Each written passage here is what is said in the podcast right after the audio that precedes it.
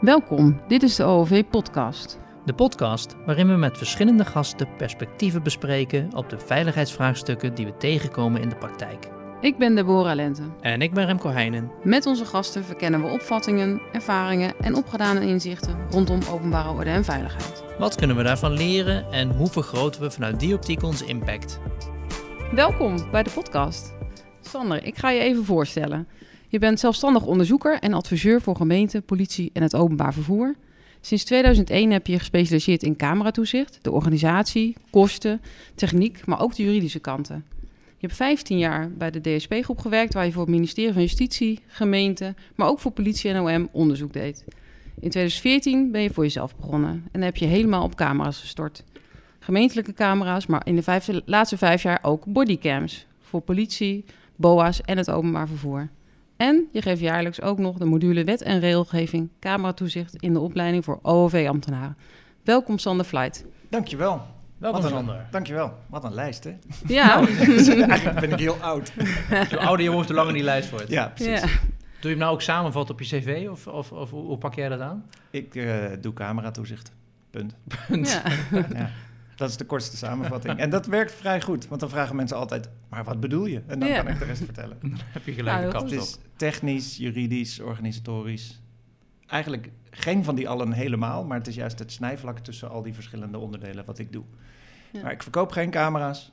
Ik ben ook niet per se voor of tegen camera's. Ik kijk er vanaf allerlei kanten naar. Ja. Dat is wat ik doe. Dus verkoop doe geen camera's. nee, Nou ja, en dan moeten we dat misschien maar denken sommige mensen wel hoor. Ja. Nou, dat kan ik me ook voorstellen. Ja. ja, misschien moeten we maar meteen met de handvraag dan beginnen. Want dat vraagt iedereen zich natuurlijk af. Van wanneer kan cameratoezicht nu eigenlijk een bijdrage leveren aan veiligheid en het verbeteren van de veiligheid? Nou, ik heb de vraag natuurlijk gezien bij de, de voorbereidingen. Ehm, het is een hele goede vraag en we gaan er ook antwoord op proberen te geven. Maar wat ik ook altijd doe in de cursus, is dat ik eerst eventjes helder definieer wat we bedoelen met cameratoezicht. Want Ja. het gaat hier over openbare orde en veiligheid. Hmm. Ehm, maar verreweg de meeste camera's, ook de meeste camera's op straat, zijn helemaal niet voor de openbare orde. Die Nee. zijn voor andere doelen. Die zijn ook helemaal niet van de gemeente, maar die zijn van andere partijen. Dus openbaar vervoerbedrijven, eh, gewoon bewakingscamera's aan horeca, noem het maar op. Dus de meeste camera's op straat zijn er wel op een openbare plaats, maar niet voor de openbare orde. Wat is die verhouding een beetje daarin, weet je dat? 1 op 100. Oké. Ja. Ja. Als, je, op 100? als ik één gemeentelijke camera op 100 andere camera's. Oké. Dat is echt totaal scheef. En Ja. misschien is het nog wel schever als je echt alle camera's meetelt, alle particuliere camera's. Mhm. En je zou zelfs kunnen zeggen, elke smartphone is ook een particuliere camera. Dan zit je op een nog schevere verhouding. Hè? Ja. Hmm. Dus, en mijn laptop heeft ook twee camera's, eentje aan de voorkant en een aan de achterkant. Dus als je dat allemaal meetelt, alle, alle apparaten waarmee je beeld kan maken, dan zijn er bijna geen gemeentelijke camera's. Dat is echt verwaarloosbaar. Grappig. Ja. En die, die ring doorbel, dan zie ik ook steeds meer. Nou ja, precies. Er zijn een heleboel camera's die ook naar buiten filmen, zeg maar. Ja. En dat worden er ook steeds meer. Dus als we het hebben over de vraag... wanneer is cameratoezicht goed voor de veiligheid... en we hebben het over openbare ordecamera's... Mhm. Hmm. dan eh, hebben we het dus over een heel typische soort cameratoezicht. Een hele unieke soort die er is Ja. voor de openbare ordehandhaving. En dat, als we dat als uitgangspunt nemen... dan kan ik de vraag ook beter beantwoorden. Ja.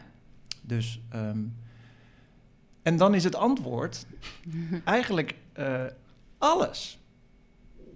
Dat is het gekke. Ik denk dat je ieder openbare ordeprobleem prima kan tackelen met cameratoezicht. Maar niet om mee te beginnen, waarschijnlijk. Nee. Nee. En er zijn ook een heleboel andere maatregelen die je kan nemen. Ja, precies. Maar als je het goed regelt en goed organiseert en de techniek past goed bij het probleem, Mhm. dan kan je daar bijna ieder openbare ordeprobleem in ieder geval flink mee inperken. Ja. Eh, maar dat gaat niet vanzelf en daar gaan we het over hebben. Ja. Er zijn nogal wat voorwaarden waar je dan aan moet voldoen. Precies. Wil je, die, wil je die, die magische camera ook dat werk laten doen? Dat Ja. gaat niet vanzelf. Nee. Maar het kan wel. En ik heb dus van bijna alle problemen wel een voorbeeld waaruit blijkt dat het heel goed heeft gewerkt. Ja. Maar ik heb ook een heleboel voorbeelden van problemen waarvan je denkt, nou daar gaat het zeker werken, waar het totaal niet heeft gewerkt. ja, precies. Nou, misschien komen we daar nog straks Ja. even op terug. Van de top drie met wanneer het nou wel Ja, heeft precies. gewerkt en wanneer niet. Ja. Maar misschien goed om even het onderscheid te maken. Wat voor verschillende soorten camera's hè, of systemen of manieren van cameratoezicht heb je dan? Omdat het als Van uitgangspunt, de hè? gemeentelijke Ja, vanuit camera's? de gemeente. Ja. Ja. nou, je hebt er inderdaad best wel veel inmiddels. Ehm, dus de klassieke, zeg ik maar even, gemeentelijke camera is een camera op een paal of aan een arm op een gebouw. Of Mhm. midden op de stoep. Ja. Dat zijn die grote opvallende camera's. Vaak ook met politie-striping erop. Dat zijn camera's die kunnen draaien en die kunnen inzoomen. Dat zijn camera's die staan vaak in uitgaansgebieden of op andere hotspots waar heel Ja. veel gebeurt in het midden van de stad, waar openbare orde problemen zijn. Dat is de klassieke gemeentelijke camera. Dan heb je de mobiele variant daarvan. Dat is Mhm. een beetje een raar woord, want mobiel vind ik altijd met wieltjes eronder. Dus Ja. dat hij echt kan rondrijden. Dat soort camera's hebben we bijna niet. Ja, op Mars. Als er zo'n apparaatje gaat rondrijden. Ja. Dat is een mobiele camera. Ja. Meestal bedoelen we daarmee verplaatsbare camera's. Dus die Mm. staan niet vastgeschroefd op een paal of op de muur. Maar die zijn in een unit die je makkelijk kan optillen en ergens anders neer kan zetten. Zoals je ook met Bouwwatch het ziet. Zo'n soort camera Ja, bedoel je dan eigenlijk. precies. Ja. Maar dat is niet echt mobiel, want het is...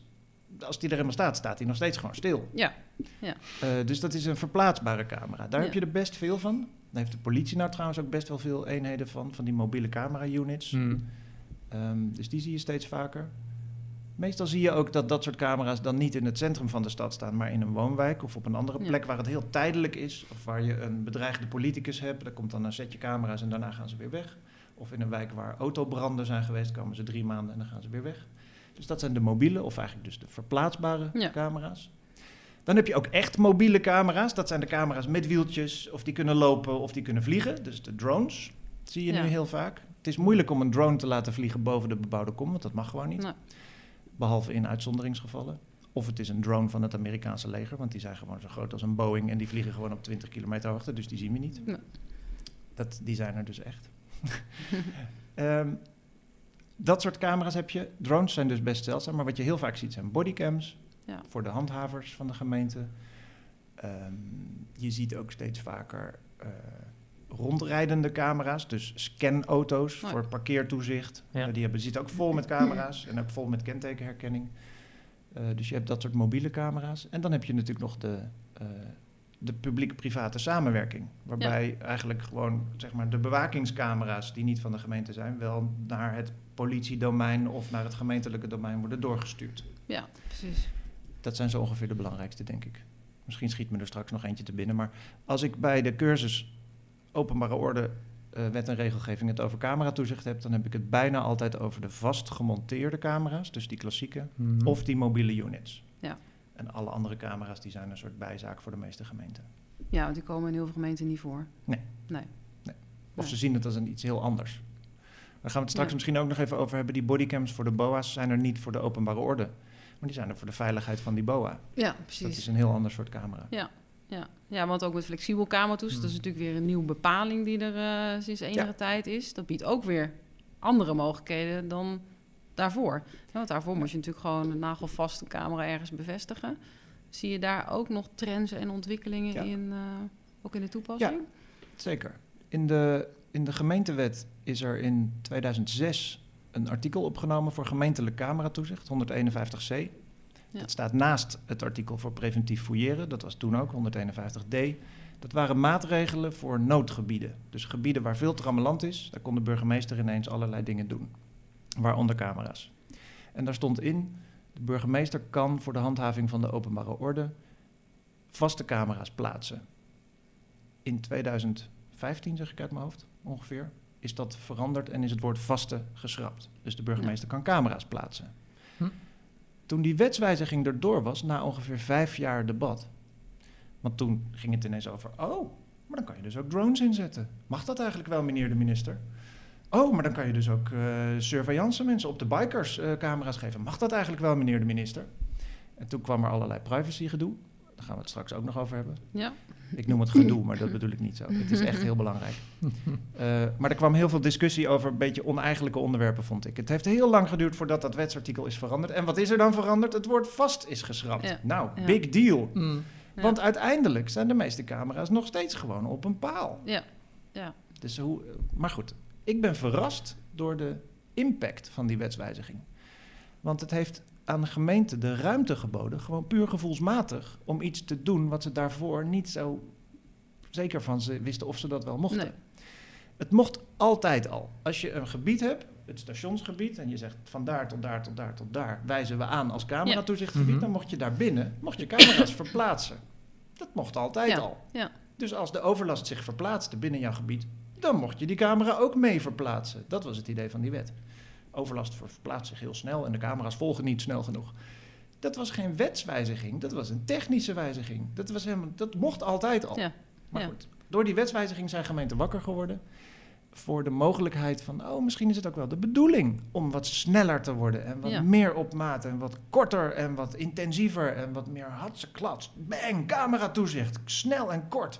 In plaats van, eh, we hebben hier een stationsgebied en we gaan tot in de eeuwigheid camera's ophangen. En je zag ook wel dat de rol van het OM daarin wel wat steviger werd. Hè? Dat die ook zeiden van ja, Ja. maar gemeentes gaan ook evalueren. Ja. Want is dat cameratoezicht eigenlijk nog wel nodig? Of hebben jullie het effect al bereikt en kun je eigenlijk ook wel zonder? En dat pleit natuurlijk ook wel wat meer voor dat flexibele cameratoezicht. Waarbij je ook gewoon daar bent Ja. waar het nodig is. Absoluut. Ja, en meestal ook wel aangedreven door, eh, door, de, door het basisteam van de politie. Ja. Ja, ja of politiek. Of, Ja. ja. Nou, dat klopt. Ik denk dat de, dat de acute veiligheidsproblematiek eigenlijk meer in beeld is van handhavingsorganisaties, zeg ik maar even. Dus de politie, maar ook de eigen BOA's, die weten het ook wel.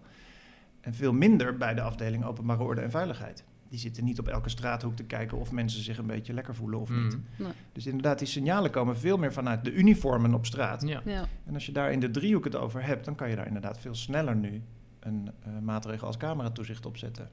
Dus dat is echt veranderd. En ik merk ook dat mensen of dat gemeenten dat fijn vinden om die mogelijkheid erbij te hebben. Feitelijk is er dus maar heel weinig veranderd. Ja. Want het was nog steeds zo dat je die camera's wel een batterij moet geven of stroom. En een batterij gaat maar eventjes mee. Dus dan moet je de hele tijd batterijen vervangen. Dus moeten we stroom. Dan gaat er dus een kabeltje in. Hoe kom Ja. je aan stroom? Via de grond of via een paal. ja. Dus het is nog steeds gewoon een vaste camera. Mm. Denk je dat het eh, makkelijker is geworden? Of dat het middel makkelijker wordt toegepast eh, sinds ja, zeg maar tien jaar geleden? Oh ja, zeker. Absoluut. En dat komt doordat de manier waarop wij als burger over straat gaan totaal anders is dan 10, 15 jaar geleden. Ja, ja. Het is normaal geworden om gefilmd te worden. Ja, En 10, 15 jaar geleden was dat gewoon nog echt een big deal. Ja. Er hangen camera's op de wallen in Amsterdam. Dat was mijn eerste evaluatie. Op de wallen in Amsterdam? Dat kan toch niet zomaar? Nee, nou, nee, dat kan nee, dus inderdaad ook niet zomaar. Daarom hebben we die wet gekregen. Dat is echt letterlijk door dat voorbeeld. Omdat de Kamer zei... Normaal gesproken mag je camera's ophangen als het binnen de kaders van de privacywet past. Die waren er vroeger ook al en dat was toen ook. Maar je mag maar een beperkte inperking van privacy doen op basis van algemene wetgeving. Als die, als die inperking heel grootschalig wordt en heel veel impact gaat hebben, bijvoorbeeld in een prostitutiegebied, dan moet je daar een expliciete wettelijke grondslag voor hebben. En daarom is de gemeentewet uitgebreid met dat artikel. Mm. Omdat het op hele gevoelige plekken werd ingezet, eh, waar mensen zich echt zorgen over maakten. Ik durf er wel wat onder te verwedden dat als we die wet niet hadden gehad, dat het in de afgelopen twintig jaar ook normaal was geworden. Mhm. En dat mensen het dus prima onder de algemene verordening gegevensbescherming ook hadden kunnen doen. Wat toen de wet bescherming persoonsgegevens heette. Dat bood altijd al de mogelijkheid om grondrechten in te perken. als het noodzakelijk is voor een gerechtvaardigd doel. Dus die gemeentewet was eigenlijk een soort deur openzetten voor gemeenten als een soort uitnodiging van doe het maar gewoon. En we hebben, we got your back. Dit mag nu, officieel. En je hoeft dus niet meer zo heel moeilijk te doen met noodzakelijkheid en zo. En proportionaliteit, wat nog steeds wel zo is. Maar de meeste gemeenten dachten, nou, nu mag het hè. ja. Want eh, Wageningen doet Ja. het ook. En Amsterdam doet het ook. Ja. Nou, dan doen wij het ook. Ja, Dus het werd veel makkelijker door die wetswijziging. ja. Maar je moet nog steeds aan al die eisen voldoen. En je moet denk ik ook Ja. vaker en meer beargumenteren als gemeente. Want als je normaal gesproken een stadscentrum hè, eh, beveiligt met camera's... dan ga je eenmalige argumentatie doen. Die gaat af en toe Ja. evalueren. Maar als je flexibel kamer moet je voor elke plek die je aanwijst... moet je natuurlijk wel weer eh, argumenteren waarom je daar die camera nu plaatst. Dat is waar. Dus dat wordt een, eh, een heel beleidscircus als Ja. je niet oppast. Aan de andere kant, het is veel makkelijker te onderbouwen dat je ergens drie maanden een tijdelijke camera neerzet, dan dat je misschien wel voor altijd camera's in die woonwijk gaat plaatsen. Ja. Dat is waar. Dus het is veel makkelijker om het OM en de politie mee te krijgen, en ook de raad, in een tijdelijk project, als je van Mm. tevoren meteen een horizonbepaling erop doet. En die horizonbepaling vind ik echt een geweldige uitvinding. Als je nou eens bij die camera's op het moment dat je ze ophangt al meteen bepaalt dat je ze ook weer gaat weghalen, dan heb je als burger en als gefilmde persoon, maar ook als politici, heb je het gewoon heel goed geregeld. En heb je ook duidelijkheid gegeven over het feit dat dit een tijdelijke maatregel is. Dat staat ook in de gemeentewet. Het is Ja. een tijdelijke maatregel. En feitelijk is het natuurlijk gewoon een permanente maatregel geworden. Want hier in Arnhem staan ze al sinds 1997. Toen was het, eh, eh, het EK kwam eraan. Toen kwamen er nog veel meer camera's bij. Die zijn nooit Ja. meer weggehaald. Dat Nee. was Euro 2000. het is 20 jaar later en ze staan nog steeds op precies dezelfde plek. Ja, ja. Dus dat is ook mijn stelling altijd. Pas nou op. Want als je ergens een camera neerzet, dan blijft die voor altijd staan. En er komt Ja. er nog eentje bij. ja precies. Ja. Dat is de logica. Maar worden die, zijn die camera's dan... eh, is het nog steeds voldoende onderbouwd dat die camera's daar dan hangen? Of is het dan... Is er niemand die daar dan vragen over stelt? Zeker wel. Dus Ja, als je ja, het ja. juridisch zou gaan toetsen, zou het dan niet eh, voldoende onderbouwd kunnen zijn? Ja, dat kan. Maar nu komen we in een, in een gedeelte wat echt voor fijnproevers is van de eh, jurisprudentie. Maar ik ga het toch proberen uit te leggen. Want het is precies de vraag waar- die ik ook altijd stel. En die ook altijd aan mij wordt gesteld. Het belangrijkste criterium bij cameratoezicht is het moet noodzakelijk zijn. Noodzakelijk wordt uitgelegd als proportioneel en subsidiair. Hm. Oftewel, je mag niet met een kanon op een mug schieten. Dus als het gaat om mensen die hun afval niet in de container gooien en je gaat dat dag en nacht filmen met drones en allemaal bodycams, dat is niet proportioneel. Zo groot is dat probleem niet, dus dat mag niet. Maar als het gaat om geweld, dat mag. Geweld is heel erg. Inbraken, heel erg. Dat is de jurisprudentie. Dan komt de subsidiariteitseis. Kan het niet ook met iets anders? Precies. Waar die privacy geen last van heeft. Dus een goed hek, goede straatverlichting, veilige afspraken met de ondernemers, eh, goede afvalcontainers, toezicht, fysiek toezicht, eh, folders, whatever. Daar zit dus een toets die de mogelijkheid biedt om te zeggen, nou misschien kan het ook wel op een andere manier. De meeste gemeenten onderbouwen de subsidiariteit door te zeggen, cameratoezicht is onderdeel van een pakket. Dus we doen ook fysiek toezicht en we doen ook opruimen, we doen ook straatverlichting. Maar dat is niet de subsidiariteitseis. Nee, Pas als het geen effect Als heeft dat gehad. andere niet heeft gewerkt, aantoonbaar, Ja. dan mag je een zwaar middel inzetten. Dus dat je het samen doet met andere maatregelen, dat telt niet.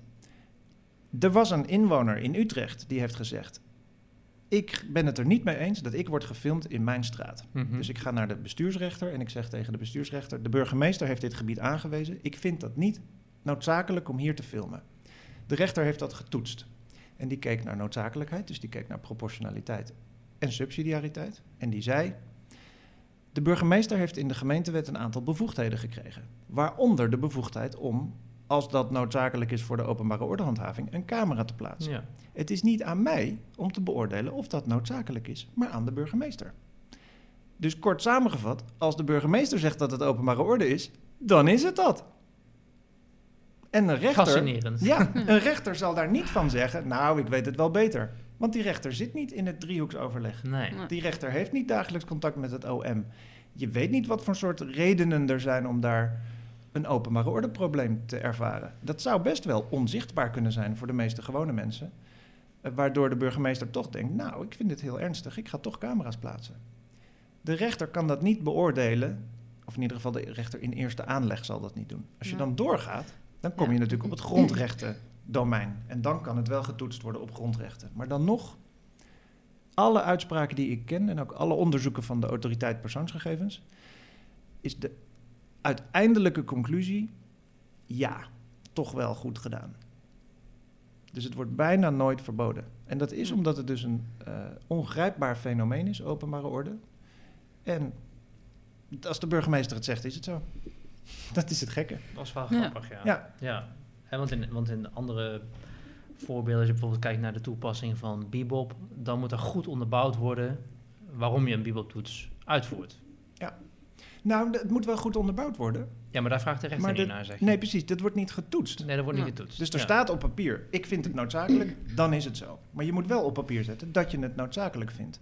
Dus er is een mogelijkheid om dat ook door bijvoorbeeld de raad te laten toetsen. Als de gemeenteraad nou het gevoel heeft dat de burgemeester om de haverklap camera's ophangt Ja. en zegt ik vind het noodzakelijk, dan zou je natuurlijk, en dat zie je ook in sommige gemeenten, Als de gemeenteraad dan zeg maar van kleur verandert na een volgende verkiezing, dan Ja. zie je dat ze daar strenger op worden. En dat ze zeggen, nou dat gaan we dus niet meer doen, burgemeester. En wij kunnen het uit de APV halen en dan ben jij je bevoegdheid kwijt. Dus als burgemeester doe je ook je best om het zo te doen dat het klopt bij je raad. De raad hoeft niet goed te keuren dat je camera's plaatst, maar de raad moet jou wel de bevoegdheid geven om die besluiten te nemen. En die kunnen ze dus Ja. ook weer afpakken. Dus als je er zomaar overal camera's gaat ophangen, dan ben je je raad kwijt en dan ben je dus ook je camera's kwijt. Ja, ja. Dus dat is het corrigerende mechanisme. Wat ik ook heel goed vind. Ja, ja. Dat vind ik eigenlijk fijner dan een rechter die het toetst. Ja. Ik vind het fijner dat we met z'n allen bepalen wat, wat fijn is en wat niet. Maar dan nog, er is bijvoorbeeld tussen Rotterdam en Amsterdam een vrij groot verschil. In Amsterdam zijn er 200 gemeentelijke camera's, Rotterdam bijna net zo groot, zijn het er 500. En dat komt doordat de burgemeester en de raad in Rotterdam sneller naar de camera's Ja. grijpen. Mhm. En dat is gewoon een politieke kleurverhaal. Mhm. Zo simpel is het. Terwijl de problemen natuurlijk heel vergelijkbaar zijn. Ja. Ja. Grote Ja. stad, rivier dwars door het midden, criminaliteit hetzelfde, openbare orde ook ongeveer hetzelfde. Het kan bijna niet zo zijn dat het 2,5 keer zo erg is in Rotterdam. Nee. Maar aan het aantal camera's zou dat Ja. wel moeten blijven. Ja. Ja. Maar de raad kan dus inderdaad aan de bel trekken. En kan ook zeggen, geef maar gas. Hè, op het Ja. moment dat er een verkiezing is geweest en partijen die zich hebben geprofileerd op wij willen meer camera's, hebben veel stemmen gewonnen, dan komt er in het coalitieakkoord, we gaan het aantal camera's uitbreiden. Ja. Ja. Dus ik zeg altijd bij de vraag, is het nou openbare orde of niet? Zeg ik altijd, nou, als het dat alleen maar zou bepalen, dan zou het echt heel ingewikkeld worden. Maar vertel me maar gewoon hoe je raad is samengesteld, dan kan ik je wel vertellen hoeveel camera's je ongeveer mag ophangen. Ja. Dat is het. En nu zie je dus dat je dat vaste cameratoezicht had. Je ziet nu dat flexibele cameratoezicht. Nou, je ziet waarschijnlijk dus ook een verschuiving eh, in meer gemeenten die toepassen. Omdat je flexibel nou eenmaal wat minder eh, kosten waarschijnlijk hebt. Lagere investeringen, misschien maar één of twee camera's in plaats van meteen heel dekkend over het hele centrum. Maar daarnaast heb je nu nog straks die, die bodycams hè, die je al een aantal jaren hebt. Ja. Wat kan dat dan nog extra bieden voor gemeenten? Ehm, dat zal ik zo beantwoorden, maar eerst Ja. die andere vraag. Flexibel cameratoezicht is veel duurder Ja? dan vast cameratoezicht. Ik denk dat veel gemeenten denken dat het goedkoper is. Omdat je Nee. gewoon één of twee palen hebt en die zet je ergens neer. En, Ja, eh, nee, maar per camera is het duurder. ja, nou, En dat je hebt toch wel ongeveer hetzelfde soort camera's nodig. En de verbindingen zijn vaak duurder omdat ze tijdelijk zijn. Ja, precies. Een ja. vaste glasvezelkabel kan je kopen en dan is het gewoon klaar. Terwijl als je het elke maand moet huren of je doet het via de lucht, Straalverbinding, 3G ja. of 4G, dan Mm. wordt het elke keer een abonnement. En je wilt twee simkaartjes, want als het druk is op Koningsdag moet je wel genoeg bandbreedte overhouden. Dus Ja, dat loopt wel in de papieren. ja, En je moet elke keer die dingen laten verplaatsen. Ja, kost ook Kost geld. ook tijd Ja. en geld. Ja. Dus het is zeker niet goedkoper, het is duurder. Nou, dat is denk ik een goede om even... Ja. Maar het is ook effectiever. Want Ja. het valt meer op. Ja. Vaste camera's, dat wordt een soort behang en niemand ziet het nog. En niemand trekt zich er nog wat van aan. Ja. Niet helemaal waar, maar grosso modo. Flexibele camera's zijn echt een klap in de vijver. Er staat een camera voor mijn huis. Wauw, we zijn in beeld. En daar hebben Ja. mensen het over. Dat is wat je wil. En opvallend. hè? Ja, precies. Dikke kast Ja. eromheen. Dat is ook, Ja. ja, precies. Eigenlijk zou het, een, dat zeg ik altijd, het zou een, een politieagent op een paal moeten zijn. Zo moet het voelen. Want daar Ja. zit de politie naar je te kijken. Als het dat niet is, dan heeft het niet gewerkt. En dat heb je met tijdelijke camera's veel sneller dan met vaste Ja. camera's die ergens netjes zijn weggewerkt. Hè? Dat het mooi wordt Precies, ontworpen, zodat ja. het past bij de straat eh. Dan denk ik altijd, nee, het moet een heel lelijk ding zijn. Knalgeel met een pijl op de grond. Hier is een camera. Pas op, u bent in beeld. Of, Ja. hoera, u bent in beeld, hier is het veilig. Maar hoe meer aandacht, hoe beter. Ja. Dus als je probeert weg te werken, Ja. Dan wordt het een beetje raar. Dan is het ook geen gemeentelijke camera meer, vind ik. Dan is het boeven vangen en dat is van de politie. Ja. Daar gaan we Ja. het zo ook over hebben. Mm, mm. Ehm, maar de bodycam, dat is precies eh, waarom de bodycam ook zo goed werkt, die heeft dat effect ook. Een tijdelijke camera heeft een schokeffect en een bodycam al helemaal. Want als ik nu zou zeggen, ik heb hier een bodycam en als jij je niet gedraagt, dan zet ik hem aan, dan wordt dat ding naast mijn eigen uniform wat ik al heb, wordt ook nog eens de politie en het OM en een rechter, die gaan ook allemaal mee zitten kijken bij wat wij Ja. doen. Dus je laat die camera met veel meer betekenis en veel meer gezag dan een camera op een paal die er al maanden staat. Doordat je erop wijst en dat je zegt, nu hebben we gedoe, ik zet dit ding aan en ik verwacht van u dat u, dat u zich aan de regels houdt. Eh, dus dat normerende effect van zo'n bodycam is veel groter, omdat je, je, je moet het wel zien. Ja. Je ziet hem. En al helemaal als die naast je ogen zit of op je helm of zo, dat je Ja. denkt, oh, daar kijkt iemand mee. Dat wordt heel erg Robocop-achtig. En dat vind ik spannend en leuk. Ik ben ook een Paul Verhoeven-fan. Eh, ik vind het ook eng op de andere, aan de andere kant. Want het geeft ook een soort technocratische manier van veiligheid doen. Ik vind dat je, als je niet met je mond kan, dan gaat het echt mis. Maar goed, het heeft wel dat effect. Mhm. Omdat hij veel meer opvalt en veel meer een impact heeft en ook veel meer wordt geactiveerd. Dat ding dat leeft. Ja. In plaats van dat het een soort saai behang is waarvan je maar moet hopen dat iemand er ooit nog eens naar kijkt en dat het bandje niet is gewist en dat de beelden niet zwart-wit waren en dat, nou ja, camera's zijn moeilijk. Eh, het gebeurt natuurlijk heel vaak dat mensen zeggen, ja, dat is net als bij opsporing verzocht. Dan zie je niks. Ja. Dan zie je een soort mistige sneeuwman in een sneeuwstorm. En dan zeggen ze, nou, misschien heeft hij een petje op. Misschien ook niet. Ja. Dat, Ja. Als je dat denkt bij camera's, dan ga je daar niet, niks van aantrekken natuurlijk. Nee. Ja. Maar je gebruikt het in heel andere situaties dan, hè, zo'n bodycam. Ja. Eigenlijk als, het, hè, als je erbij bent, als het escaleert eigenlijk. Ja. Precies. Het, is ook, het doel is nooit handhaving van de openbare orde, maar beveiliging van, de, van de mensen in uniform. Dat is echt een heel ander doel.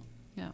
Dat is juridisch ook wel interessant trouwens. Als je dat voor een ander doel wil gaan gebruiken, dan wordt het ook echt een heel ander verhaal. Want je kan de bodycam baseren op de AVG, de Algemene Verordening Gegevensbescherming. Mhm. Dat doe je dus privaatrechtelijk. Ook al ben je de overheid, maar je geeft je, bodycam, je geeft je BOA's goede schoenen, je geeft ze een goed uniform, je geeft ze goede verbindingsmiddelen. Daar heb je helemaal geen politieke discussie voor nodig. Dat is gewoon voor hun veiligheid. Ja. Die Ja. bodycam dus ook. Dus dat is geen toezichtsmiddel, maar een beveiligingsmaatregel.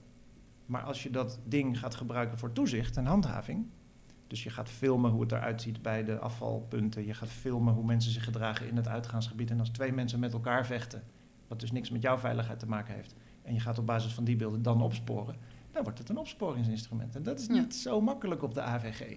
Dan moet je naar de wet politiegegevens. Ja. Mhm. Als bijvangst je hem dan doelstelling- misschien nog eh, Ja, kunnen Moet- die beelden moeten dan gevorderd worden, hè? Ja, precies. En want Dat voor, de, over. voor, eh, eh, voor mijn eh, begrip is dat je hebt inderdaad het doel van, van zo'n bodycam of welke camera dan ook eh, van openbare orde of het beveiligen van beschermen van de BOA. Ja. Op het moment dat er een conflict ontstaat en er worden strafbare feiten gepleegd en die zijn mogelijk op de camera te zien op de camerabeelden, dan kunnen ze gevorderd worden. Ja. En zo kunnen ze wel het opsporingsdoel dienen, maar dat mag het niet primair zijn. Ja, precies. Of doen. En dat, Ja. ehm, dat geldt inderdaad voor de bodycams. Want die zijn civielrechtelijk, dus dat is een verwerking in de AVG. En als de politie dat soort gegevens wil gebruiken, dan moeten ze die in het politiedomein tillen, zeg ik altijd.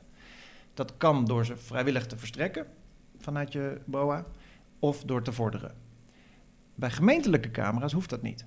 Want in de gemeentewet staat dat de verwerking van de beelden een verwerking is in de zin van de wet politiegegevens. Oh ja. Mhm. Dus het is meteen een politiegegeven. En dus hoeft de politie dat nooit te vorderen. Dat is heel makkelijk, maar het is ook weer niet zo dat ze opsporing zomaar kunnen doen op grote schaal, want het is inderdaad alleen maar als bijvangst. Ja. En als je primaire doel opschuift naar opsporing, dan mag dat niet op basis van de gemeentewet. Mhm. Dan Nee. moet je gewoon, zeg ik altijd, boeven gaan vangen. Dat doe je met stiekeme camera's, veel effectiever dan met zichtbare camera's op een vaste plek. Dus dan wordt het het OM die de camera moet bepalen. Dan wordt dat het gezag en de politie plaatst dan die camera of draagt die camera vanuit de OM-taak, de opsporingstaak. Ik kan me nog een situatie herinneren wanneer ik bij een gemeente inderdaad met cameratoezicht te maken had. En daar was de doelstelling wel dubieus. Want in de praktijk Hm. werden er meer beelden gebruikt voor de bewijslast dan. ehm, nou ja. Ja. hij heeft natuurlijk wel die algemene preventieve werking. Hè, dus er zit wel een doelstelling van openbare onder. Maar de politie maakte wel heel veel gebruik van de beelden. Nou, dat klopt, dat, dat zie ik ook als een trend. Ehm, in de meeste gemeenten waar die camera's lang hangen, zie je, de opschuiven, eh, zie je het opschuiven van preventie naar opsporing. En van een gemeentelijk instrument naar een politieinstrument of Mhm. een OM-instrument. Ja. Ehm, dat is altijd heel moeilijk eh, hard te maken, want als het preventief werkt, dan eh, is dat bijna niet te bewijzen, zeggen sommige Nee. Ja, mensen. dat kan je nooit bewijzen, Ja. dat is natuurlijk onzin, dat kan prima. Ja. Wij weten ook dat tandenpoetsen werkt. Dat is bewezen. Dat is ook Ja. preventie. Kunnen we daar Dus dat kunnen we wel degelijk Ja. bewijzen. Alleen moet je het heel erg goed onderzoeken. Dat is niet makkelijk, Moeilijk maar het tastbaar kan wel. maken. Ja. Ja. Ja. Ik zeg ook wel vaak in gemeenten waar ze al twintig jaar hangen...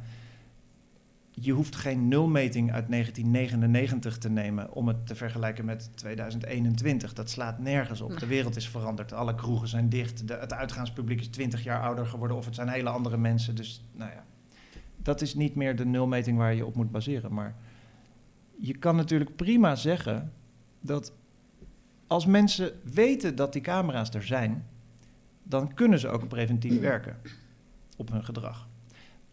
Als je nou eens aan mensen op straat vraagt, weet u of er hier camera's hangen? En iedereen zegt dan geen idee. Dan weet je zeker dat het niet preventief zal werken. Dus Nee. dat kan je gewoon toetsen. Dus als Mhm. iedereen zegt, ja, dat weet ik, daar hangt hij.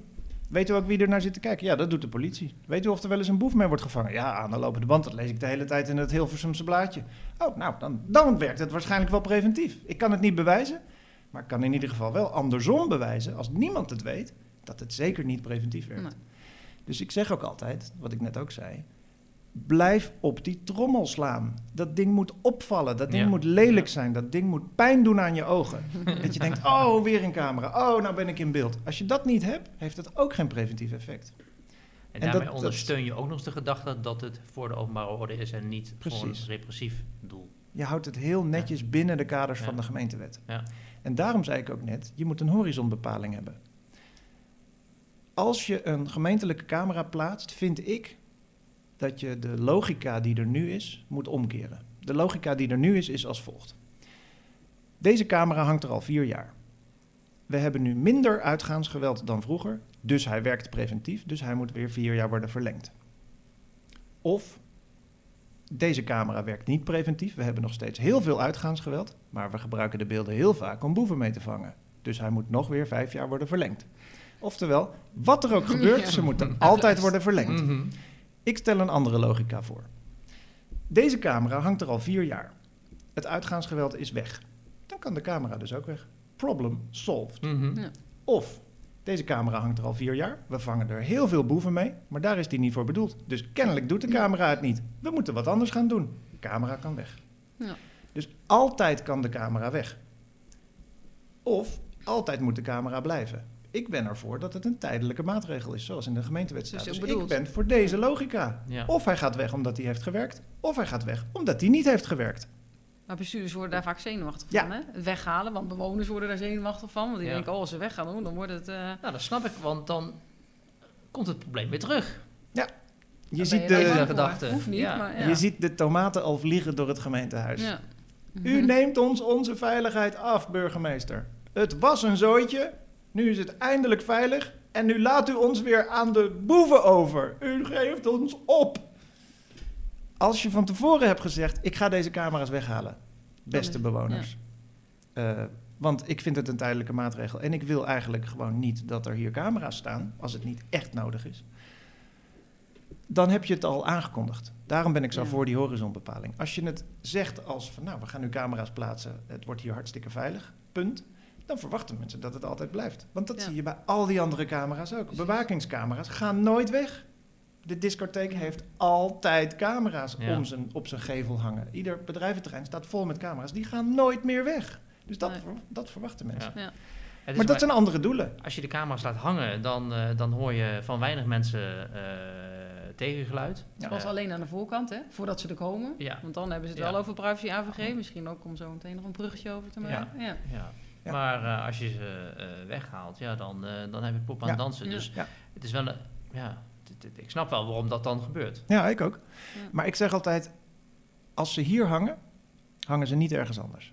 Want het is, hè, we hebben niet onbeperkt geld en we willen ook niet de hele stad vol met camera's. Dus laten we het wat flexibeler aanpakken. Ik zou zeggen, u krijgt van mij drie maanden de camera's, dan kijken we of ze werken of niet. Als ze het niet werken, gaan ze weg. Als ze wel werken, kunnen ze ook weg, want dan is het probleem weg. Mocht het nou zo zijn dat het probleem terugkeert, dan heeft u binnen een week weer cameratoezicht. Dan gaan we gewoon netjes monitoren, Ja. maar als het niet terugkomt, dan hoeven ze ook niet terug. Ja. Ehm, dat kan je volgens mij prima doen. En het argument daarvoor is ten eerste, we gaan heel zorgvuldig om met uw privacy. We gaan heel zorgvuldig om met uw belastinggeld. En andere plekken in de stad maken nu ook eens een kans op cameratoezicht. Want misschien is het daar wel veel erger. Dat weet u misschien helemaal niet, maar we hebben daar ook trammeland en we hebben geen geld meer voor camera's. Dus u zit de hele tijd vast in de camera's, terwijl ze het daar heel graag willen hebben. Ja. Onderbouw maar waarom het bij u zo ontzettend veel meer nodig is dan daar. En die discussie vind ik heel gezond. Dan wordt het een tijdelijke maatregel, dan wordt het een mooi eh, gemeentelijk instrument in plaats van een bewakingscamera.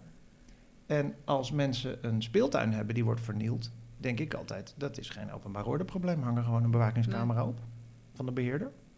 Als mensen eh, continu vernielingen aanbrengen, fietsen, jatten, inbraken plegen, allemaal heel erg. Maar waarom zou je daar een toezichtscamera voor nodig hebben? Dat kan ook met een bewakingscamera. Toezicht is Ja. live meekijken zonder dat er wat gebeurt. Ja. Bewaking is achteraf, hebben we de beelden gelukkig nog. Voor de verreweg de meeste problemen heb je genoeg aan achteraf de beelden. Dus daar heb je helemaal geen gemeentelijke camera's voor nodig. Maar op basis van welke wet en regeling doe je dat? Dat doe je op de, op de privaatrechtelijke kant, dus dat is nu de AVG. Als jij een gerechtvaardigd belang hebt bij het ophangen van die camera, en dat heb je als er wordt vernield of ingebroken. En het is noodzakelijk om ook een stukje openbare weg mee te nemen voor het uitvoeren van dat doel, dan mag dat. Hmm, Oké. Dat Ja. doen al die Maar ondernemers dat- ook. Dat doen Ja. Pinautomaten Ja, hangen ja, ook vol met eh, bushaltes, treinstations. Ze filmen allemaal de ja. straat. Oh ja, ja, ja. Nee, ik kan me nog herinneren dat in mijn geheugen zit daar nog een discussiestuk. Ja.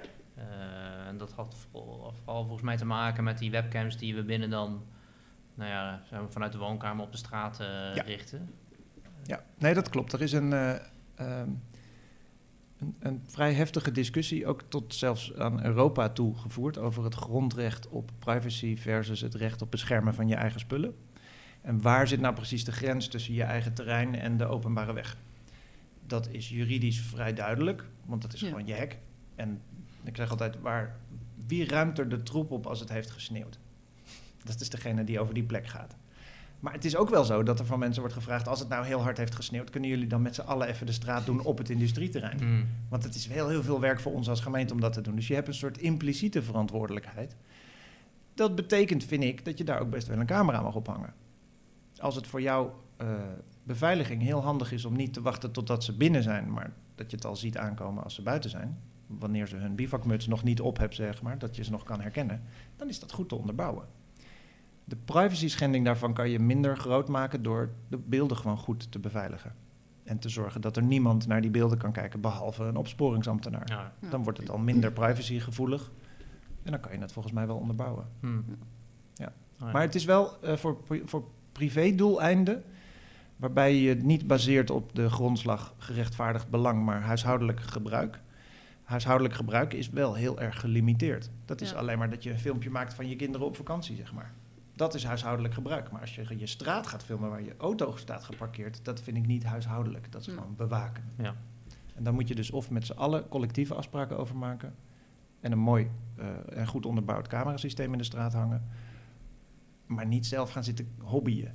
Maar misschien moeten we dan eens even kijken naar de combinatie daarvan. Hè? Want we hebben net gehad over de gemeente, welke verantwoordelijkheden en taken die heeft. De politie mogelijk kan doen, opsporing kan doen. Maar je hoort nu ook- wel steeds meer geluiden opgaan van dat smart city. Daar gaan Ja. die dingen eigenlijk met Mhm. elkaar hand in hand. Dan gaan we dat combineren. Hoe werkt dat? En eh, hoe ver Smart zijn we daar City, eigenlijk de, de, de, de, de, de deurbellen met camera's. Ja, bijvoorbeeld. Bijvoorbeeld. Ja. Mhm. En ehm, andere sensoren, zeg maar. Dus eh, alles wat je kan tellen. eh, wifi-trackers. ehm, je kan zien waar de mobiele telefoontjes zich bevinden, zodat je een indruk hebt hoe druk het is. Mhm. Eh, er zijn allerlei informatiebrengers die je kan gebruiken voor het plaatje van de werkelijkheid. En een camera is eigenlijk een heel onhandig ding, want dat levert een enorme bak ongeordende data op die je niet kan doorzoeken op een trefwoord. Nee. Het is echt Nee. iets heel anders dan een personeelsbestand of Ja. een, eh, eh, de basisadministratie met alle inwoners. Tenzij het Die, daar kan je software doorzoeken. gaat kaderen aan de voorkant. Ja, met maar dat is dus de, gezichtsherkenning en Ja. noem maar op. Ja. Maar dat is dus de vraag. Ehm, kijk, bij kentekenherkenning kan je zeggen dat doet het echt fabel fantastisch goed. En hoe komt dat? Dat komt doordat kentekens zijn ontworpen om automatisch te kunnen aflezen. Met veel contrast en veel reflectie. Dus je ziet gewoon letters en cijfers en dan heb je hem. Ja. Auto's gedragen zich heel voorspelbaar. Ze zitten namelijk altijd tussen de linkerhelft van de weg en de rechterhelft van de weg. En ze rijden met een bepaalde snelheid. Super geordend. Heel mooi. En Ja. er zit een afstand tussen alle auto's. Namelijk hier rijdt de ene, dan even niks en dan de volgende. Mensen daarentegen zijn totale chaos. Die lopen door elkaar heen. Waarbij je niet weet of iemand nou heel snel is omgekeerd of, iemand, of Ja. ze zo deden. Je kan een half gezicht zien omdat de, de, het, het kind voor de ouder loopt. Eh, ze kunnen schuin kijken. Ze zijn niet gebouwd om te worden herkend, maar ze zijn eh, vermombaar. Ze zijn Ja. aanpasbaar. Als je zo doet, heeft een camera het heel erg moeilijk. Want het puntje van je neus en de ooghoeken zijn heel vaak belangrijke punten. Dus als je dit doet, ben je al weg. Dit is ook genoeg. Dat weten heel veel mensen niet. Maar je moet dan niet eh, gewoon bewegen, want daar zijn de camera-algoritmes weer wel op getraind. Maar dan nog, Stel nou dat het je lukt om gezichten te herkennen. Dan moet je je volgens mij afvragen, wat bedoelen we daar precies mee? De mensen zeggen vaak, ehm, het, het, wat, het voorbeeld wat ik altijd hoor is, ja, ik zag dat ze in China, het vreselijke China, daar hebben ze een systeem waarbij als je door rood loopt als voetganger, dat je dan meteen een boete krijgt en je krijgt ook een negatief eh, rapportcijfer in je sociale krediet. Eh, en ze weten ook of je wel netjes eh, naar je familie op bezoek gaat. En als je, daar, als je niet genoeg krediet hebt, dan krijg je ook geen hypotheek meer. Dat komt allemaal volgens mij uit een, uit een aantal uitzendingen van een, een, een stoplicht ergens in een Chinese stad, waar ze een camera hadden neergezet. En die camera wist of het stoplicht op rood stond of groen. En op het moment dat er iemand door rood liep, werd het beeld van de camera getoond op een monitorscherm Oh, wat ja, daar stond. Dat is heel erg eng als je weet wie het is. Maar ze weten helemaal niet wie het is. Het is gewoon een foto van dat moment. Die wordt weergegeven op een scherm. Ja, Amahula, dat kan ik ook. Wat je ook gewoon Ik wil weten wie het is. Ja. Ja, Ja. het wordt pas eng als je weet wie het is. En je moet het zeker weten wie het is, want je gaat hem zijn sociale kredietpunten eh, afnemen. Dat kunnen ze niet. Ook niet in China. Want gezichtsherkenning doet het heel goed als mensen herkend willen worden. Ja. En een kantoor in willen. Of bij Schiphol snel willen inchecken. Of omdat ze hun seizoenskaart van de voetbalclub hier houden en hun gezicht netjes voor de camera houden. En er is een database waarmee dat wordt vergeleken. Dat gaat vrij goed. Maar mensen in het wild, zoals dat heet, die gedragen zich helemaal niet zo. Die zijn niet goed uitgelicht. Die houden hun hoofd scheef. Die lopen met anderen door elkaar heen. En het allerbelangrijkste, je hebt geen database met al hun pasfoto's waarmee je het kan vergelijken. Dus wie is het? Ja. Je kan wel aan een camera vragen: heb ik deze persoon vijf minuten geleden ook al gezien? Dan kan je zeggen: ja, dat is waar. Dat is herkennen. Opnieuw kennen. Maar identificeren, dit is jouw naam en hier woon je, dat kan niet. Hmm. En ook niet in China. Maar wat wel lukt. Al niet in China. Nee, precies. Maar wat wel lukt, is bijvoorbeeld op Facebook. Eh, je maakt een foto van een etentje en dan zegt Facebook: hey, dat is Deborah, dat is Sander. Klopt Precies, dat? ja. Klopt. Super techie. Kunnen ze dat?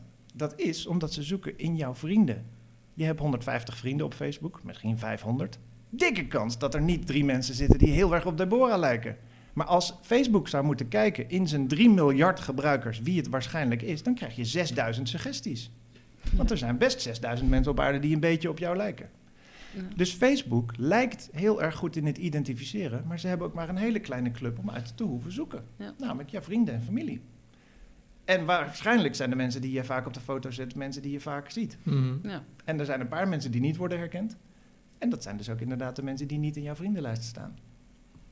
En Facebook is heel goed in het eh, trainen van hun algoritmes, omdat wij, domme Facebook-gebruikers die we zijn, de robots aan het leren zijn Ja. wie die mensen zijn. Dus wij zeggen, dit Die is een gezicht en dat is die. Ja. Oh, Ja. ik dacht dat het die was. Nou, bedankt. Ja, Als je dat maar vaak genoeg doet ja. en je plakt er een naam bij, dan doen wij dus, waarvan ik net zei, dat kunnen computers niet. Een naam plakken op Ja, een precies. gezicht. En Ja. dat zijn wij dus nu, de computers van Facebook, aan het leren. Dus gezichtsherkenning eh, werkt heel goed onder gecontroleerde omstandigheden met mensen die herkend willen worden. Werkt heel slecht in het wild met mensen die niet herkend willen worden. En in het jaar 2005 was ik op een congres in Berlijn. Met allemaal eh, wetenschappers die ook de techneuten eh, goed bijhielden. En toen was het verhaal, het duurt nog vijf jaar en dan doet het het. Dus dat zou dan 2010 zijn geweest. In 2015 was ik op een congres en toen zeiden ze, het duurt nog tien jaar, maar dan doet het Nee. het. Oké, ja. Dus ik denk dat we straks in 2025 dat ik op een congres zit waarbij ze zeggen, nou eh, nog 20 jaar en dan doet het het. Het wordt steeds moeilijker. Ja. Het blijkt gewoon niet te doen. Nee. Ah, En dat bizar. komt dus door het grote verschil tussen een witte lijstprocedure, namelijk dit zijn alle mensen Ja. met een stadionkaart, en de zwarte lijstprocedure, dit is een terrorist. Van de meeste terroristen hebben we helemaal geen foto's. Ja, Nee. Dus waar ga je Ja. dan op scannen? ja. Ja. En wat doe je op Zaventem? Daar komen honderdduizend mensen per dag langs. Stel je voor dat je een camera hebt die één op de duizend keer een foutje maakt. Ik denk dat je een terrorist bent, maar dat klopt er niet. Dan worden er dus duizend mensen gecontroleerd alsof ze een terrorist zijn. Dat doe je niet. Dan heb je continu arrestatieteams, Hmm. dan heb je continu paniek op een vliegveld. Dus dat wil je helemaal niet. Dus je wil dat die herkenning één op de miljoen keer een fout Ja, maakt. precies. En dat kan nog helemaal niet. Ja. Want als je maar één keer op de miljoen een keer een fout mag maken, dan glippen er heel veel onherkende mensen door het systeem. Ja. Omdat je eigenlijk geen valse alarmen wil, krijg je ook geen goede alarmen. Dat kan je niet allebei hebben, behalve als de software echt briljant veel beter wordt dan het nu is. Ja. En dan nog hebben we niet een lijst met alle mensen die morgen een terroristische aanslag gaan plegen. Dus we kunnen nergens mee vergelijken. Ja. Dus, Dus- qua moderne technologie en moderne toepassing daarvan, gezichtsherkenning, daar zeg je nou, daar zijn we nog niet zo ver mee. Voor de witte lijstprocedure van mensen die mee willen werken, is het echt fabelfantastisch Ja. veel beter dan tien jaar geleden. Dat werkt ook op mijn smartphone, dan heb Ja, ik ook een Werkt gezichtsherkenning. heel erg goed, Ja. net als mijn vingerafdruk. Ja. Dat Ja. is ook betrouwbaar genoeg, omdat er maar nou ja, een aantal vingerafdrukken mee hoeft te worden vergeleken. Maar denk maar niet dat mijn vingerafdruk op mijn telefoon genoeg is voor een rechtszaak. Dat moet toch echt het NFI doen. Hmm. Dus die hebben andere marges. Dus in de openbare ordewereld kan je je niet de foutmarge veroorloven die je in commerciële settings wel kan veroorloven. Ja. Als ik een reclame krijg voor eh, damesondergoed, omdat ze denken dat ik een vrouw ben, maakt niet uit. Pff, Krijgt hij de verkeerde reclame? Nou en? Ja. Als ze me aanhouden omdat ze denken dat ik een terrorist ben, dat is wel een grove Ja, fout. eh, ja. Dus daar heb, kan je niet permitteren. En gedrag, want camera's schijnen ook gedragingen te kunnen herkennen. Nou, daarvoor Valt dat- geldt dat hetzelfde. hieronder? Ja? Ja? daarvoor geldt hetzelfde. Ja, er zijn ook bijvoorbeeld geluid. Brekend glas, eh, geweerschoten, pistoolschoten, schreeuwen, agressie. Dat klopt, dat kan je heel goed herkennen. Eh, maar je krijgt ook altijd een aantal valse alarmen. En die verhouding is soms heel erg goed en soms heel erg slecht. Maar er is altijd een deel valse alarmen. Hmm. Als je een gebeurtenis hebt die heel vaak gebeurt, bijvoorbeeld mensen vergeten om in te checken of uit te checken bij het OV, dan kan je zeggen: dit gaan we automatiseren. Dat gaat gewoon te vaak fout en we geven die mensen gewoon een pushbericht. U heeft niet uitgecheckt, ga even terug. Maar als het iets heel zeldzaams is, zoals een pistoolschot, Hm. dan moet je de knoppen zo gevoelig zeggen dat je zeker dat ene pistoolschot niet wil missen. Eén keer in de vijf jaar wordt er hier geschoten. Dat schot willen we zeker hebben. Dat betekent dat je vijf jaar lang valse alarmen krijgt van brommers, van autoportieren die te hard Mm. worden dichtgeslagen, van iemand die hard schreeuwt. Omdat je het zo hebt afgesteld dat je dat ene pistoolschot niet wil missen, krijg je per definitie Heel heel veel. valse Ja. alarmen. En wat doen gebruikers dan? Die trekken de stekker eruit. Ja. Dat heb ik letterlijk een paar keer meegemaakt. Dat politiemensen een geautomatiseerd systeem kregen. En na één dag al zeiden: Ja, ik krijg alleen maar valse alarmen. Ja. Het is tien keer heeft hij gepiept en het was tien keer niks. Dus dat ding doet het helemaal niet. Nee, dat is de bedoeling. Ja. Eigenlijk zouden we nog liever 100 valse alarmen willen aanbieden per dag. Want we willen dat ene pistoolschot zeker hebben. Ja. Dus vandaar, hè, vandaar die, eh, de, die, die, die, die snelheidscontroles, die doen het gewoon goed. Ja. Ja, nou inderdaad. Kentekens, dat is nou het enige voorbeeld van Ja. eh, identificatie. Dus je weet wie erachter zit. En het is eh, heel makkelijk in een sanctie om te zetten. U reed te hard op dit traject. U heeft hier een afslag genomen waar niet mocht. U bent de binnenstad ingereden wat eigenlijk helemaal niet mocht. U bent de milieuzone ingegaan met uw vervuilende roetfilter. Nou, noem het maar op. Dat werkt heel goed. Ja. Als je nou zo, zeg maar, ja, in de afronding van dit gesprek zou moeten benoemen van welke randvoorwaarden moet je nou aan voldoen? Wil cameratoezicht werken? En wat kies, je, wat kies je dan? Op basis van wat moet je dan kiezen? ja. Ja, dat is een, eh, een bedrieglijk een eenvoudige vraag. Ja.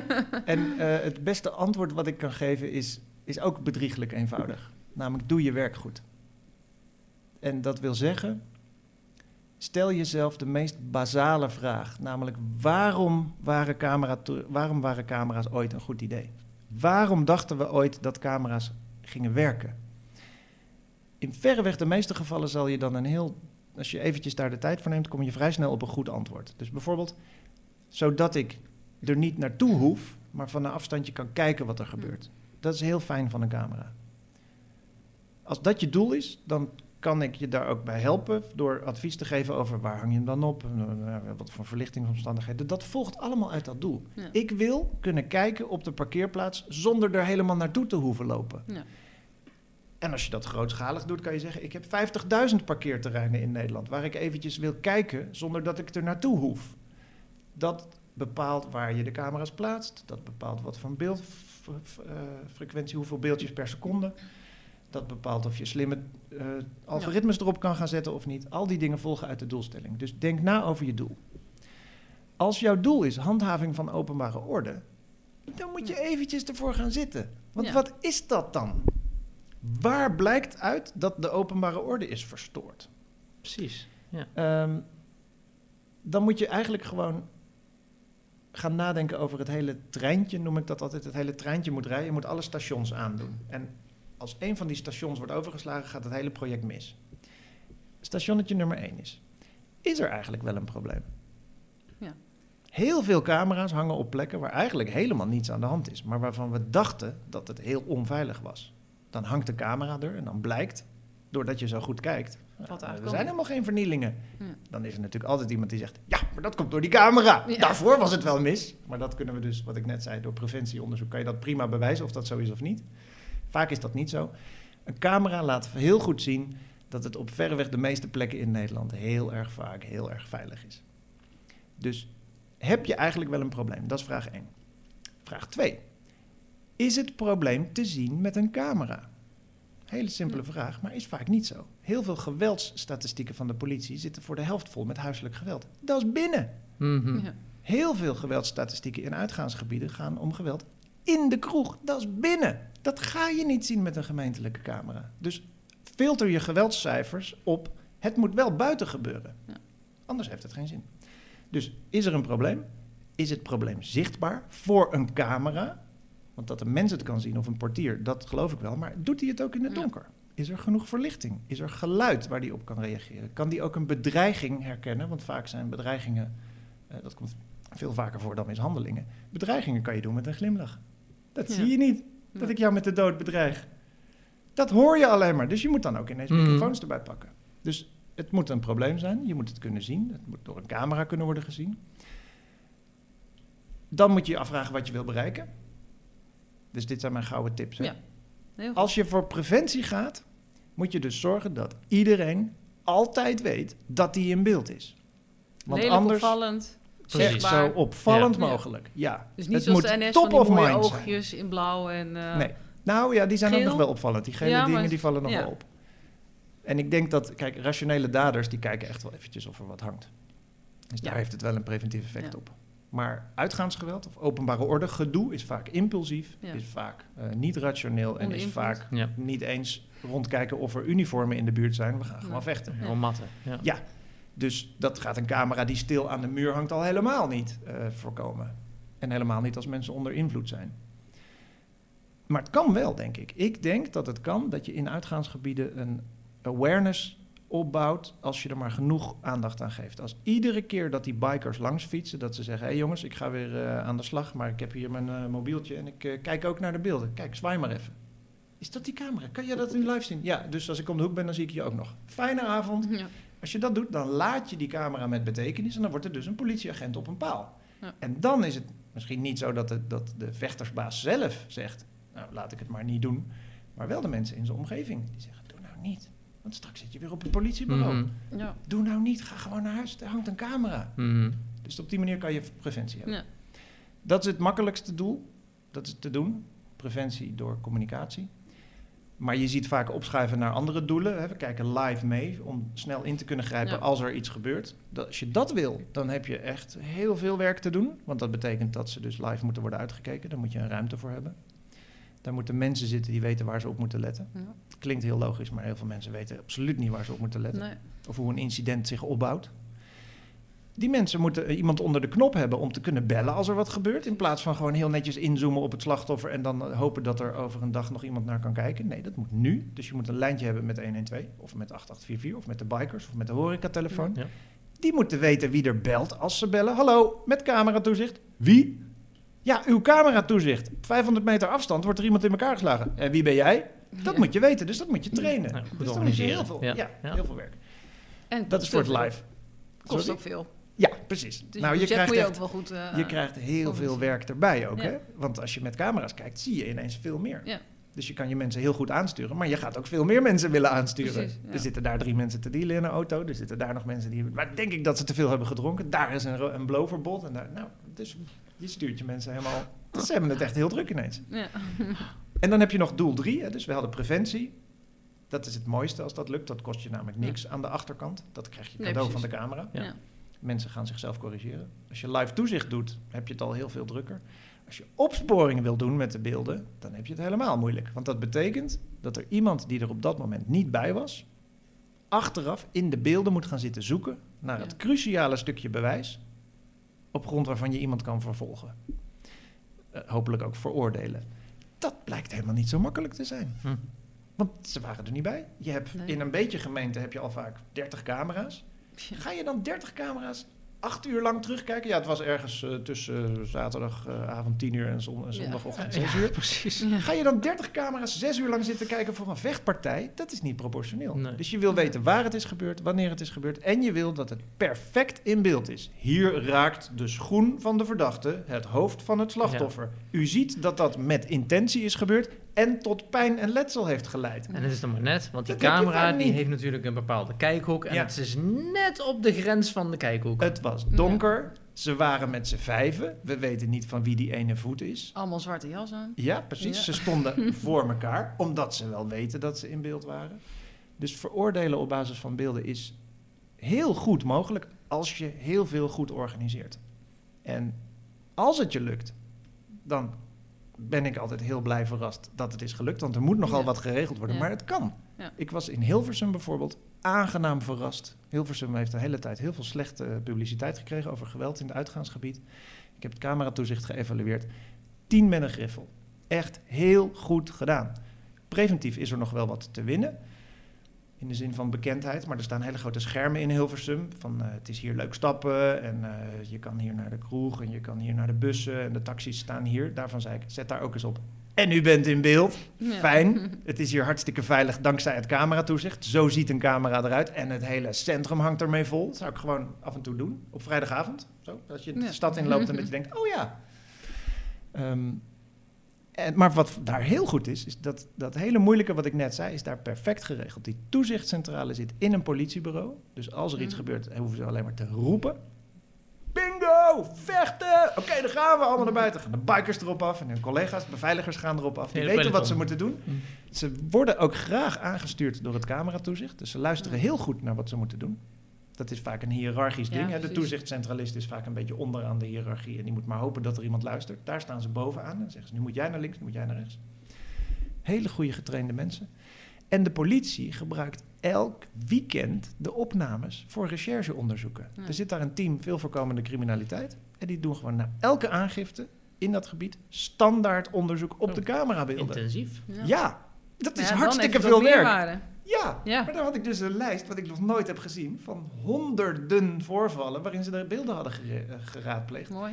En een lijst van ongeveer na een half jaar van een stuk of tien veroordelingen waarbij de rechter had gezegd, nou zonder de beelden hadden we het bewijs niet rondgekregen. Heel mooi. Ja. Dus het kan. Ja. Hmm. Maar dan heb je dus wel een Hilversum nodig waarbij ze alles goed doen. Alle sterren staan precies op Ja, een rijtje precies. en dan ineens begint het te werken. En dan Ja. krijg je ook heel veel waar voor je geld, want geweld is een heel kostbaar delict. Eh, maatschappelijke kosten, letsel, schade. Het uitgaansgebied krijgt een, slechte naam. Ja. Dus het kost heel veel geld. En als je geweld kan voorkomen met camera's, dan ben je echt. Ja. Dan, dat betaalt zich driedubbel terug. Maar dat is dus wel heel veel werk. ja. En heb je nog misschien, bijna voordat we gaan afsluiten, nog iets waarvan je zegt... Hé, maar als je dit doet, nou, dan gaat het echt zeker niet werken. Dit is echt... eh Ehm, kans op mislukking is zo groot. De valkuil? Ja, een valkuil. Ja. Ja, nou, dat is ehm, een beetje een herhaling, maar het is wel de, de uitsmijter waarvan ik ook dacht, daar moet ik mee, mee afsluiten. Wat je dus zeker niet wil, is de logica zoals ik dat net schetste. Ja. Namelijk, de camera is er ooit gekomen omdat we een probleem hadden. Dat probleem is er nu niet meer, dus, dus hij moet blijven hangen. Of het probleem is er inderdaad nog steeds, dus hij moet ook blijven hangen. Ja. Daarmee geef je de camera een soort grijze soep. Het wordt een soort behang. Het is er wel, maar je ziet het niet bewust. En dat is nou precies niet wat je moet Nee. doen. Het moet echt opvallen. Dus geef die camera alle aandacht en haal hem daarna gewoon weer weg. Dan doet hij het het best. ja. Ik ben toch wel heel nieuwsgierig Ja. naar de relatie tussen veiligheidsbeleving en cameratoezicht. Er is niet zo heel veel onderzoek naar gedaan, gek genoeg. Want veiligheidsbeleving is een van de belangrijkste doelstellingen. Maar het is niet zo heel vaak onderzocht. En het onderzoek dat er is gedaan, laat hele onverwachte uitkomsten zien. En daaruit blijkt dat mensen die camera's bewust waarnemen, zich onveiliger voelen dan de mensen die dat niet doen. Dus als je vraagt aan iemand hoe veilig voelt u zich hier, en mensen zeggen ik voel me onveilig. Weet u of er hier camera's hangen? Jazeker, daar. Ja. Dat komt dus niet door die camera, maar dat komt doordat die mensen gewoon bang zijn. En bange mensen kijken ook meer om zich heen of er camera's hangen. Dus een camera kan een beetje leiden tot Ja. het gevoel, oh, er zal wel heel veel aan de hand zijn hier. Maar het is Ja, ook vooral dat het de mensen die toch al bang waren, heel erg opvalt. En de mensen die niet bang zijn, zien ook de camera niet. Dus dat is, dat is verhaal 1. Dan zijn er natuurlijk ook uitzonderingen op dat algemene verhaal. Er zijn mensen die zeggen, nou, het geeft me toch wel een veilig gevoel. Eh, want ik weet dat ze er hangen en ik denk dat de meeste mensen zich daardoor ook goed gaan gedragen. Mhm. Als dat waar is, hebben die mensen gelijk. Maar er hoeft natuurlijk maar één keer iets te gebeuren onder het oog van de camera om te weten dat het het niet doet. En dan ben je je gevoel toch weer kwijt. Dan is het zelfs zo, denk ik, dat die camera jou het gevoel geeft van ze zitten alleen maar op afstand te kijken. Ik had liever een echte agent gehad dan een camera. Ik voel me juist een beetje in de steek gelaten. Dat is Mm. ook een soort van onveiligheid natuurlijk, of een gevoel van niet geborgen voelen. Dus het is buitengewoon ingewikkeld om met camera's een veilig gevoel te creëren. Mhm. Dat ja, doen en we- volgens mij hebben we, we hebben met, eh met Stan Meijer hebben we het ook nog gehad over, eh, over veiligheidsbeleving. En dan kom je er ook wel achter. Het is eh, zo'n complex thema, Ja. wat Ja. door zoveel verschillende factoren wordt beïnvloed. Van, ja. van, van micro tot aan macro Ja. niveau. Hè. Dus het, de gebeurtenissen in China beïnvloeden hoe veilig we ons voelen hier. precies. Huh? En het is in ieder geval zo dat het niet een, eh, een vaste wetmatigheid Weer is. China dat als je trouwens, ergens. Sorry, Ja. weer. Ja, precies. het is in ieder geval geen wetmatigheid dat als je ergens een camera ophangt, dat het veiligheidsgevoel dan significant verbetert. Nee. Nee. Dat is niet zo. Nee. Dat kan komen doordat het veiligheidsgevoel gewoon een veel ingewikkelder fenomeen Ja. is dan alleen maar camera's. Hè. Dat, zo groot is die invloed van camera's nou ook weer niet. Ja. Maar dat kan natuurlijk ook komen doordat de meeste camera's gewoon een soort behang zijn, wat mensen helemaal niet Ja, zien. ja. Dus als je doet wat ik aanraad, namelijk Ja. sla op die trommel en wijs Ja. er de hele tijd op, dan kan het tot onveiligheidsgevoel leiden. Van, oh, er zal wel heel veel aan de hand zijn. Moet je al die camera's zien? Allemaal agenten op palen. Die paarse kamers met gele stippen. Ja, maar je kan natuurlijk ook doen, zoals heel veel bedrijven dat doen. Het is hier hartstikke veilig, dankzij de camera's. Je kan er ook een positieve Ja. draai aan geven. Ja. En dan heb ik, als je er heel veel aandacht aan weet te geven, heb je denk ik een positief effect. Maar dat moet je dan dus ook wel waarmaken doordat er ook echt weinig misgaat. En dat als er iets misgaat, dat de beelden dan heel goed worden gebruikt en daar ook over wordt gecommuniceerd. En ook niet onbelangrijk, en dan kom je toch weer op dat pakket van maatregelen. Hè, het is niet een heilige graal naar een betere veiligheid of naar meer veiligheid. Het is altijd wel een combinatie van. Ja. Maar in het kader van de noodzakelijkheid, daar, daar gaat hij dan weer niet op. Ja, en Ja. wat ik dus helemaal in het begin zei, ik denk dus dat je bijna ieder openbare ordeprobleem prima kan oplossen met camera's. Eh, maar dan moet je wel alles doen wat er voor nodig is. En dan werken ze heel goed. En vaak is het dan zo dat als je er zoveel tijd en energie in stopt, dan heb ik ook nog wel een paar andere suggesties voor je die veel goedkoper zijn en veel makkelijker Ja, te implementeren. ja. Als wij met z'n allen, met de politie en de ondernemers en de dominee en de slager en het publiek en de bewoners, allemaal bij elkaar gaan zitten omdat we hier een concreet probleem hebben, dan hebben we binnen een week een paar hele goede oplossingen. En die werken over een maand. Het is echt niet zo dat we dan allemaal zeggen, nou het enige wat we kunnen bedenken is cameratoezicht. Nee, nee. Er zijn altijd zoveel dingen die je kan doen. Eh, en cameratoezicht is gewoon heel erg duur en heel erg technisch Ja. en heel erg slecht voor de privacy en de belastingbetaler. Maar Dus zo doe het makkelijk, liever want dan hoef je niet in gesprek met je Ja, bewoners. en het ziet er lekker hip en techno uit. ook de andere. Ook nog. Ja, wij zijn een gemeente van de toekomst. Scoren als gemeente. Nou, Ja. hebben we dat er ook op staan? Ja. Oh ja, ik had ook nog een tip. Mag ik die nog even geven? Mijn meest praktische tip van de afgelopen jaar of anderhalf jaar is... Er zijn bij cameratoezicht vier schaakborden waar je op moet schaken. De ene is de techniek. Dat moet je goed voor elkaar hebben. De andere is de organisatie. Iedereen moet weten wat hij moet doen. En je moet samenwerking hebben tussen politie en OM en toezichthouders. Je hebt eh, de financiële kant. Wie betaalt het en wie profiteert er eigenlijk van? De gemeente investeert, maar het zijn de ondernemers die profiteren bijvoorbeeld. En je hebt het juridische schaakbord. Mag dit eigenlijk wel? Met wie mogen we onze gegevens Ja, delen? Ja, ja. Kunnen we ook camera's van particulieren gebruiken? Mogen we ook, nou ja, noem maar op. Mijn tip is, begin nou eens met het uitspelen van het schaakspel op het juridische schaakbord. Want als je dat niet hebt gedaan, kom je zijn. op het technische schaakbord en dan zegt er iemand, mag dat eigenlijk wel van de privacywet? Ja, En dan zetten we het uit. Terwijl het het cruciale ingrediënt van je project zou kunnen zijn, gezichtsherkenning. Zegt er iemand, ja, dat mag toch niet van de privacywet? En dan gaat iedereen, oh, oh, sorry, nee, dat mag natuurlijk niet van de privacywet. De meeste mensen in de technische tafel hebben geen verstand van privacy. Ah, ja. Dus dan gaat die uit. Eh, organisatorisch ook. Ja, maar je kan toch niet zomaar gegevens delen met je partners van de jeugdzorg? Nee, dat mag natuurlijk niet van de privacywet. En dan ga je weer. Terwijl dat het Ja. cruciale ingrediënt van je aanpak kan zijn. En het mag wel. Als je het maar gewoon op het juridische schaakbord eerst goed hebt uitgevochten met Ja, elkaar. goed uitleggen. dan kan je het opschrijven en dan zeg je: dit is een uitzonderlijk maatschappelijk probleem en daar mogen dus ook maats- uitzonderlijke maatregelen op worden genomen. En dat gaan we nu doen ook. En dan begint het cameratoezicht ineens te bloeien. Maar als je op, Ja. op die organisatorische, Ja. financiële en technische tafel iedere keer de stekker eruit trekt, omdat het niet mag van de privacy, dan kom je helemaal nergens. En heb je ook Eh, al kosten gemaakt in het ja. ergste geval. Ook Ja. nog. Ja. Dus mijn tip is, en dat doe ik nu ook in een heleboel gemeenten, dat ik zeg, ja, natuurlijk willen we heel graag verder gaan bouwen en natuurlijk willen we naar de leverancier om de spulletjes te kijken, maar dat doet er even niet toe als we niet weten of het wel gaat lukken juridisch. Want als we daar geen dekking voor krijgen, dan gaat het nooit echt van de kant komen. Want dan doen we het minimale model en dat is heel saai en dat is een soort behang en dan ben je na drie maanden het effect kwijt. Dus we gaan doorpakken met de camera's. Dat heeft privacy consequenties. En dat gaan we regelen ook in een convenant, in afspraken. Of we gaan ons gewoon netjes aan de wet houden. En dat schrijven we op de website. Privacy disclaimers. Al die dingen moet je geregeld hebben. En dan kan je gaan bouwen. Dat is een mooie. Mooie afsluiter, denk ik, van deze Ja. podcast. Ja, Mooi. dankjewel. Graag gedaan. Sanne, ik heb weer veel geleerd. Mooi. dat is toch fijn? ik ben weer bij. ja, precies. Bedankt voor het luisteren. Op oovonline.nl vind je de samenvatting van dit gesprek. Met verwijzingen naar meer informatie over het onderwerp. Tot slot, met deze podcast in gedachten... Hoe kijk jij naar de werking van cameratoezicht?